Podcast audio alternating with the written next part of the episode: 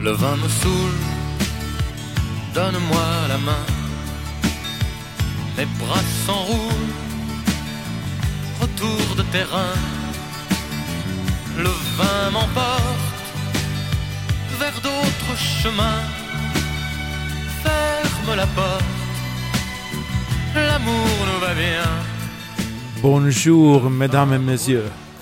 Vi har i de två senaste delarna i programserien Livet i Languedoc lyssnat till hur tre svenska par slagit sig ner i just Languedoc och startat företag i bed and breakfast-branschen. Och det är just under de senaste åren som flera svenskägda bed and breakfast etablerat sig i Languedoc. Vilket gör att den som funderar på att besöka regionen lätt kan finna någonstans att bo och få tips och guidning om allt som finns att se och uppleva.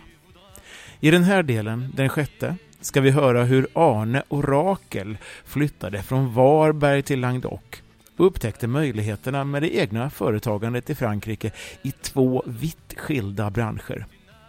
De fem tidigare delarna i programserien kan du lyssna till på tyresoradion.se och enklast hittar du dem genom att i sökrutan helt enkelt skriva Languedoc. Och jag som pratar heter Jerker Pettersson. Le vin m'emporte vers d'autres chemins. Ferme la porte, l'amour nous va bien.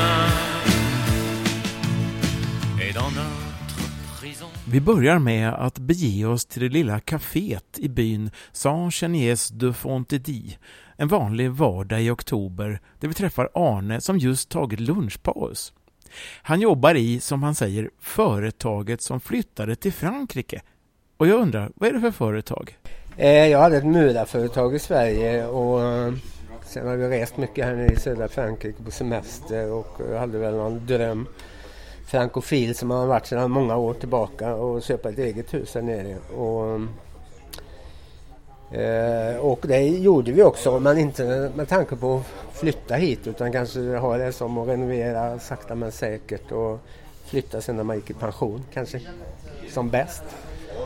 Men sen eh, hade vi en eh, sex månaders budget för att börja renoveringen och så eh, kom vi ner och satte igång och efter tre månader så började folk se vad man höll på med. Man får erbjudande om jobb. Och sen har det bara rullat på så vi tog ett beslut att flytta för gott. Så att säga. Så folk börjar se att här landar en murare helt plötsligt och här, han, han kanske kan hjälpa till. Ja, precis. Och först var det mycket franska kunder då runt vår egen by eller så. Men sen blev det mer och mer svenskar som hörde av sig. Och, eh, I och med att svenskar köpt mer och mer hus här då så har det utvecklats hela tiden. Vad heter företaget nu då? Eh, Arnes Casedarnes. Efter vår by som heter då. Så slutet på bynamnet är faktiskt mitt namn och jag har en liten lustig bakgrund då. Så egentligen så betyder det Arnes by. Vi fick en hel by på köpet när du tog med dig företaget. I Sverige, vad hette det där då? Företaget? Ja, Perssons mureri hette det. Så att, Ja, okej. Och sen då så tog det fart här nere i Frankrike med mureriet då. Är det det du gör i huvudsak eller vad? ja, det är ju, jag har en ganska bra bakgrund från Sverige för jag hade förmånen att jobba med kyrkorenoveringar under många år. Och då hade vi till och med medeltidskyrkor som vi renoverade. Och den tekniken vi använder i Sverige då kommer ju härifrån. Eh, det är samma murteknik och eh, grundar sig i romerska murartekniken egentligen. Så att det var väldigt bra att ha den erfarenheten när man kom hit ner. För husen, murarna och, och murbruket var ju detsamma. Det baseras ju på en gammal metod med kalkbruk kan man säga. Och eh, innan kalkbruket ren lera helt enkelt. Så att man var ganska hemma i den här tekniken redan när man kom då. Så det var bara att sätta igång då och, och naturligtvis skaffa en, ett franskt företag också då. En fransk firma. Ja, jag började jobba utifrån det svenska bolaget och sen ganska snart så startade jag också en fransk byggfirma. Så det har varit mycket omställning och mycket nytt och lära sig det franska systemet. När var det som ni gav er iväg hit neråt till Frankrike? Ja, vi, eh, nu har vi bott i tre och ett halvt och huset köpte vi för fyra och ett halvt år sedan. Då. Och jag fick ju ganska snabbt kontakt med de här kvinnorna som jobbar med att sälj, hjälpa svenskar att köpa hus här då. Så det blev en naturlig kontakt och att när det ökade så mycket så sökte ju också svenskar, svenska hantverkare just för att kunna kommunicera på svenska och den här eh, bron mellan svensk renoveringsteknik och fransk och sådär. Så att, eh, jag har upplevt att det, folk har tyckt det varit en stor trygghet att jobba med en svensk firma. Ja, just det kan man tänka sig. Språket är ju en liten barriär. Att komma. Hur, hur har du själv gjort med franskan då? Nej, ja, vi var ju friska i hågen eller så. Jag hade ju inte jag hade haft några kvällskurser och varit intresserad av Frankrike och kunde väl bonjour och beställa en kopp kaffe och så. Men mer var det inte. Sen har man ju fått kasta sig ut i hetluften då. Så nu vad det gäller byggbranschen så går det bra med franskan då. Och på in i restaurang och så. Men nej, man utvecklas sakta men säkert då. Det är synd jag inte tid att gå och plugga franska då. Det skulle jag verkligen önska att lägga, lägga en halv dag i veckan eller så på att verkligen försöka. Men du har fått så mycket jobb här alltså så det är full rulle förstår jag? Ja det är i mig, eller jag vet inte, jag har hört innan av de som säljer husen, svenskarna så att de, det har ju ökat. Jag har sett en väldig ökning av svenskar som har kommit hit. Så man kan väl säga att Langelock har väl upptäckts lite av svenskar då. Så, och, och, och med den ökningen så har ju mitt företag då blivit fått för mycket att göra helt enkelt. man skulle behöva lite mer folk. Hur ska du göra nu då? Ska du anställa? Nej, jag är för gammal för att anställa så jag ska försöka hålla detta på lagom nivå och så kunna gå i pension ganska tidigt och så. Det är ett tufft jobb, det är mycket tyngder och här är det väldigt bökigt att jobba. Tungt och trångt att ta sig in med bilar och släpkärror. Är det alltså stor skillnad du märker på att jobba i Sverige och, och hålla på här nere? Ja, jag var tittat på ett jobb i lördag så det går inte ens att köra bil dit. så att eh, man får bära murbruket eh, upp för trappor 75 eh, meter för att nå huset och då, då är det bökigt alltså. Det låter som att man inte behöver gå på gymmet den dagen i alla fall. Nej, det, sådana problem har inte jag.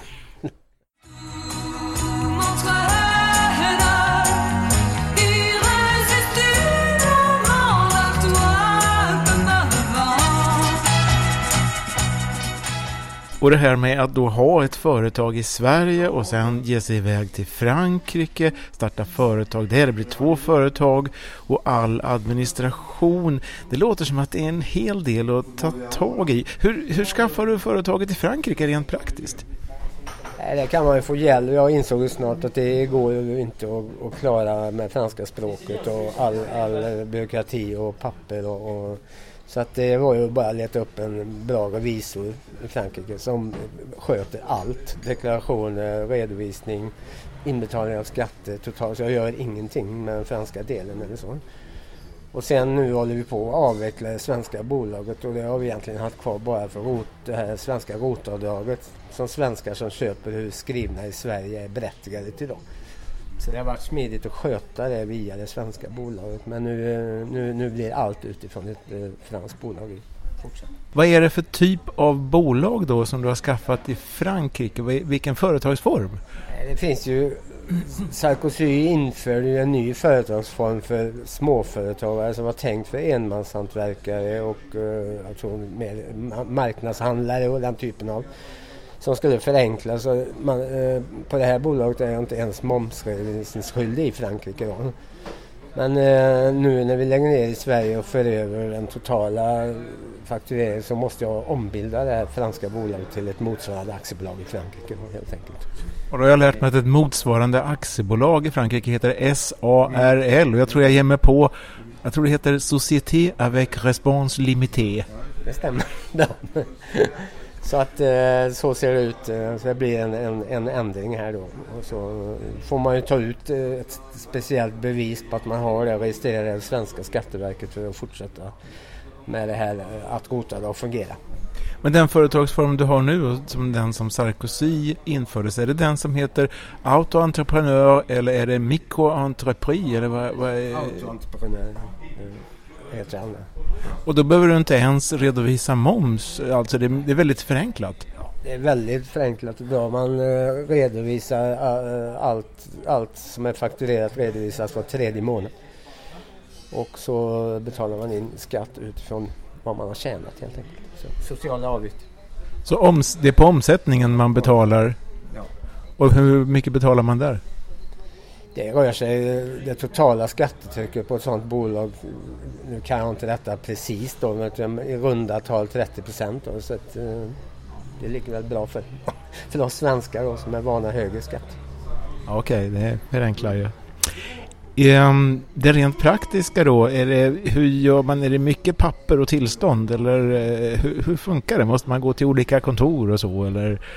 Ja, det är, det är mycket med, man måste ha mycket tillstånd när man kommer till en kund och ska börja ett arbete. Då.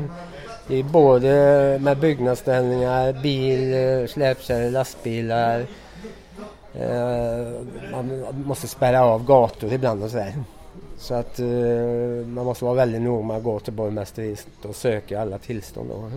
Till exempel i gamla Pessinast nu så är tillstånd på allting, in, interiört och exteriört.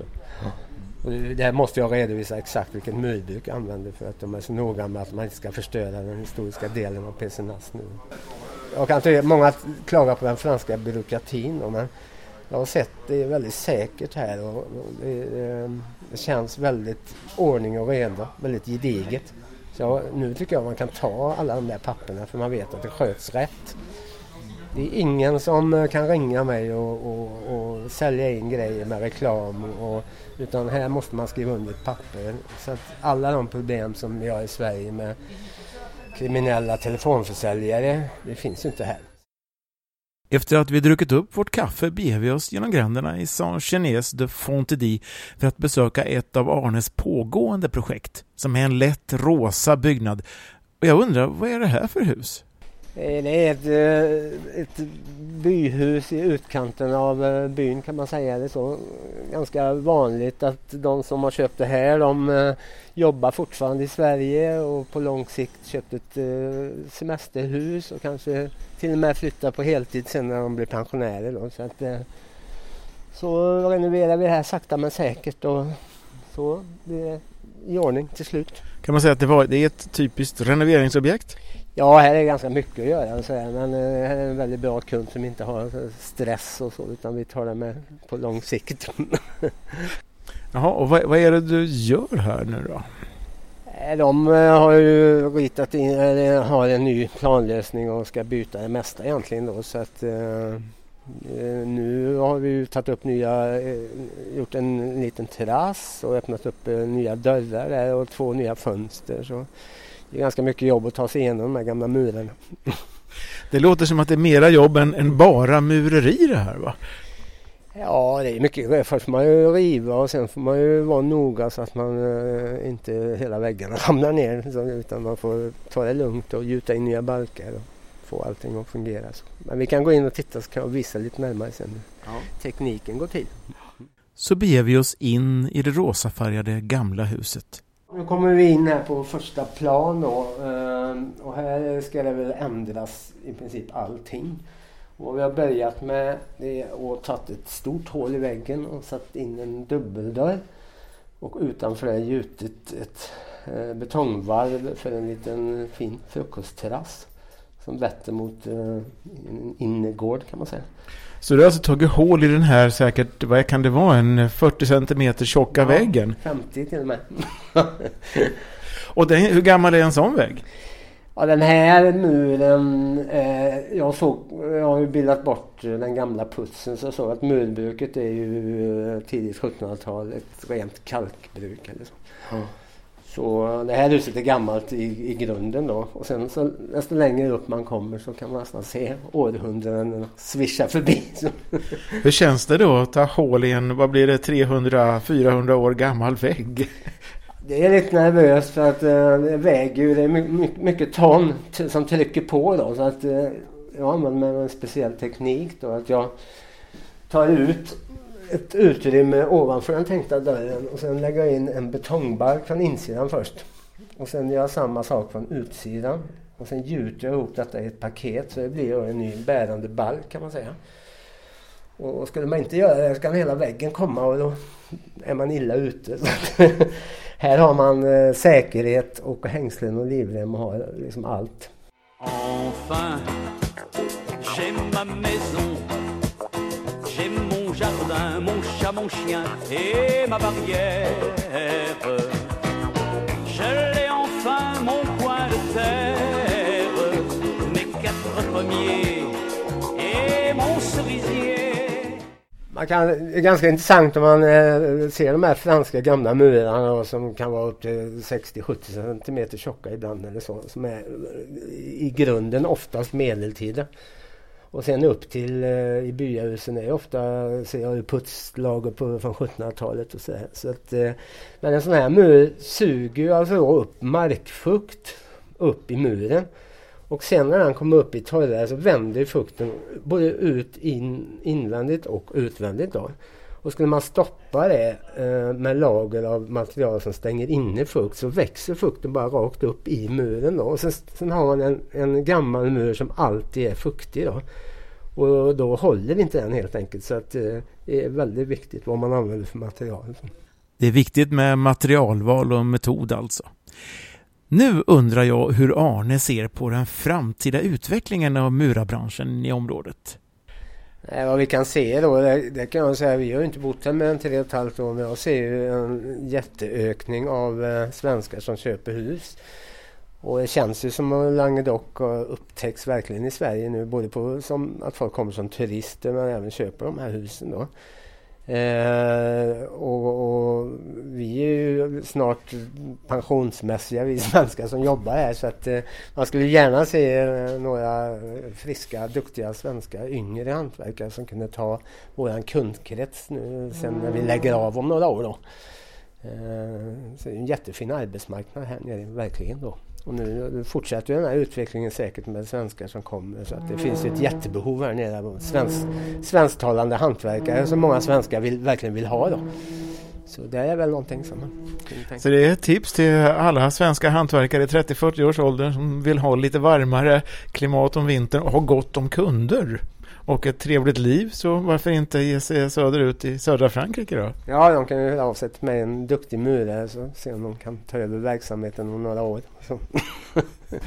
Säger Arne Persson på Perssons Mureri, numera Arnes i Casedarnes.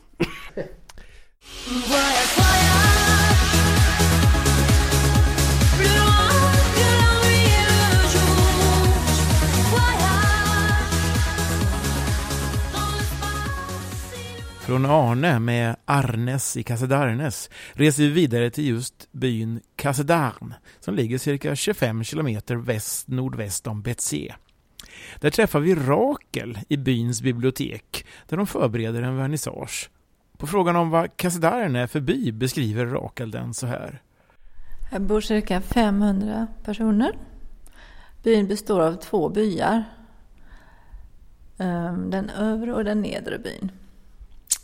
Här finns ingen affär än så länge, men det är på gång. De har beslutat nu att det ska bli en liten butik med eh, ja, en liten speceriaffär eller så. Och sen ska det vara en café jämte bar. Och ändå att det är så liten by så finns det ändå ett bibliotek här. Ja, det är fantastiskt. Och varje förmiddag kommer brödbilen varje tisdag kommer charkuteribilen. Vilket är väldigt, väldigt trevligt och det är fantastisk kvalitet hela tiden. Och det är en levande landsbygd. Jag skulle säga att granne med biblioteket finns också Le Mairie, alltså borgmästarens kontor. Som, har den öppet dagligen eller hur fungerar ja. det? Och i samma hus finns även ett litet postkontor som är öppet varje dag. Och dessutom rakt över gatan såg vi en ganska, jag tror ganska nybyggd skola, eller? Ja, vi sitter här i biblioteket i den gamla skolan. Hur kom det sig att ni kommer, kommer att bo just i Casedarn av alla byar? Det var så att eh, vår mäklare, hon visade oss detta huset. Så att det, den fastnade vi ganska fort. Hon hade ett par andra hus också. Men det var inte så att vi letade hus på hus och vi hade fyra hus som hon visade och av dem var vårt hus i Cassidarn med så vi slog till. Hade ni tittat på hus eh, år tidigare så att säga? Eller det var en gång? En gång och vi kände direkt att det här var vårt hus. Snabba ryck. Ja, det ett renoveringsobjekt, ett väldigt gammalt medeltida hus. Då du flyttade hit, vad jobbar du med då? När jag flyttade hit, så, och vilket jag gör fortfarande, så jobbar jag med min man Arne som är murare. Ja, vi har ett företag tillsammans och jag sköter mycket hantlangning, blandar bruk och servar, städar och murar lite nu också. Men så har du din eh, huvudinriktning där vi är här för på biblioteket. Vad är det då? Ja, jag jobbar som konstnär och har haft med mig det i livet sedan jag var riktigt ung. Om vi ska berätta för lyssnarna här vilken konstform det är du utövar. Vad, vad är det du gör? Jag gör Tova-skulptur, vilket inte är så vanligt. Nej, det undrar man. Hur, hur tovad skulptur, hur gör man då? Ja, man använder fårull för det mesta. Eller man kan blanda in eh, ull från andra djur också som hund och tagel från hästar och allt möjligt annat. Men jag använder mest fårull och då är det en, en väldigt gammal teknik. Ehm, mångtusenårig teknik som användes i eh, Skandin norra Skandinavien och nere i Asien har det funnits. Och nu har vi kommit fram till skulptur nummer två. Eh, vad heter den? J'entends chanter la terre. Vilket på svenska blir? Jag hör marken sjunga. Och eh, vad vill du uttrycka med den här skulpturen? Det är en eh, figur som både består av en man och en kvinna. Vilket symboliserar en känsla av en gemenskap, en, en samhörighet. Det är ingen, inget direkt manligt eller kvinnligt. En känsla av att man hör ihop med naturen. Hon ligger ner, han ligger ner på sina knän med armarna utsträckta och tar emot livet. Det är en stillsam upplevelse, en, en närvaro i nuet. Et maintenant, que vais-je faire de tout ce temps Que sera ma vie de tous ces gens qui m'indiffèrent Maintenant que tu es parti toutes ces nuits. Pourquoi Pour qui För att bättre förstå hur Rakels toning går till lämnar vi biblioteket där kvällens vernissage ska äga rum och går ut med Bygatan några hundra meter bort till ateljén. Och nu går vi in i Rakel Perssons ateljé från gatan. Och en trappa upp som i det här gamla vinbondehuset.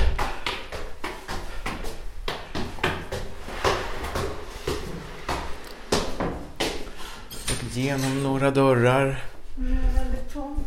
så kommer vi in i själva ateljén som är ljus med vita väggar. Och så ser jag att på ena väggen så hänger det skisser av, är det eh, framtida eller är det gjorda skulpturer? Ja, det är nog framtida skulpturer. Så det börjar som en skiss? Ja, den håller jag på med nu. Den här. Det är en mansfigur. Och temat är frustration. Armarna går ut och sitter fast i en och samma vinge. Alltså man är ju... Han är lite fastbunden Ja. på något sätt. Och hänger med huvudet. Ja.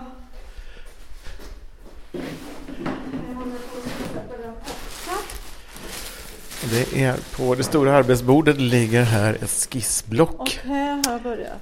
Och där har vi själva början på skulpturen som är huvudet då. Och nu måste jag känna på det här och det är, vad ska vi säga, det är ganska mjukt men ändå stadigt. Det är mjukt än så länge. Jag håller på och packar ullen här. Hur gör du då du packar? Jag använder toningsnålar. Toningsnålar, då ska vi se. Det är alltså ett trähandtag och sen sitter det tre, i mina ögon, tre spikar som sticker ut. Det är små hullingar här på som drar. När man trycker in eh, nålarna i ullen så drar det med sig fibrer. När man drar ut så drar det med sig fibrer så att det trasslar ihop ullen. Och då blir det tovat. Det blir nålfiltat då ja. Då ska vi Men sen se. så brukar jag när jag har gjort det halvvägs så brukar jag använda såpa och vatten och använder den tekniken för att krympa det med händerna då så att jag sköljer den och Och då krymper det ihop så att det så att säga blir lite tätare. ja man börjar från en stor form och sen så krymper man ner den. Så man får tänka väldigt mycket innan hur den ska bli. Det, det, det låter som man får liksom planera lite. Ja, det får man göra. Och där har du ett, eh, Bara för, för att ha ett motstånd där när jag tovar. Som ett arbetsstycke att jobba på. Sen så helt enkelt sticker du här.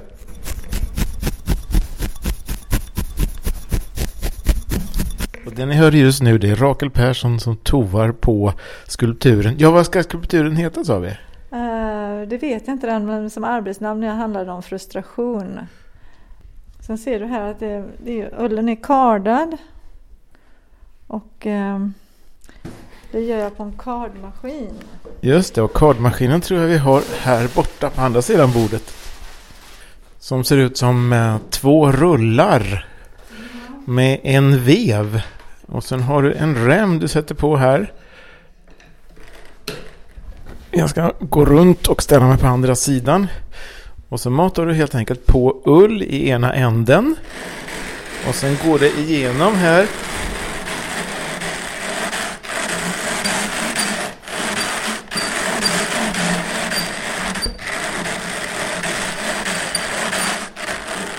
Så. Och när du har kört några varv så sticker du in en eh, nål kan vi säga. Och kan sen Och sen så drar, tar jag en annan liten karda och drar av ullen så får man platta ullsjok som passar för tovning då. Åh, så är- elegant.